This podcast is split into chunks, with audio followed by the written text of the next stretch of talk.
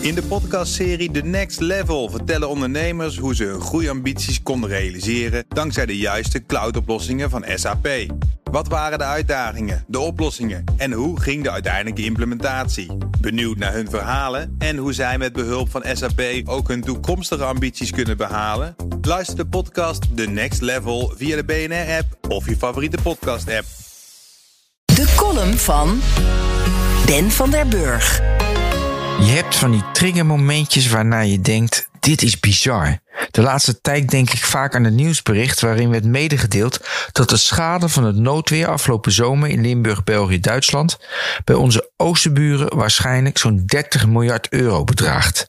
Nu weet ik dat we tegenwoordig lachen om een tiental miljard meer of minder. Maar zo'n getal blijft dan toch hangen.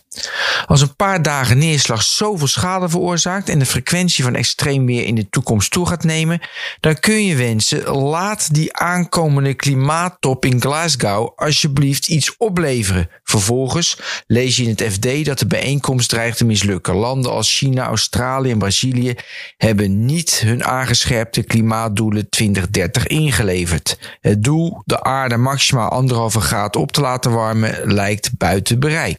Het boeiende aan de bestrijding van het coronavirus zijn de extreme maatregelen die we hebben moeten nemen om het virus in bedwang te houden.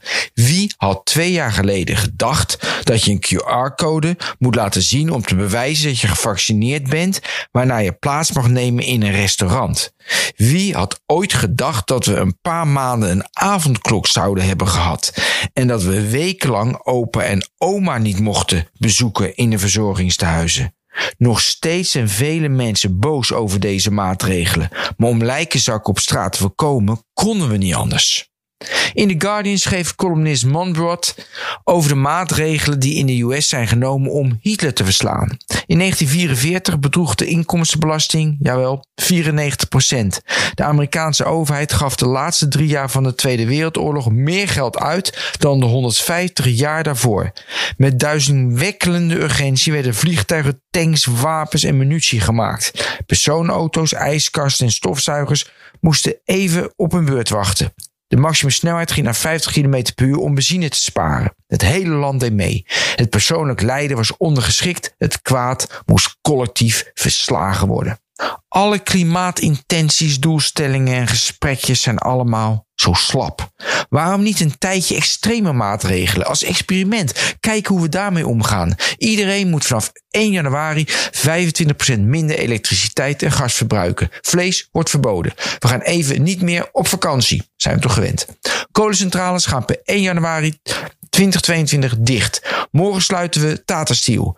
En we compenseren het leed met tientallen miljarden steun, zoals we dit met de coronacrisis hebben gedaan. Ik kan je in ieder geval verzekeren dat je levensverhaal erdoor verrijkt wordt. En dat is ook heel veel waard.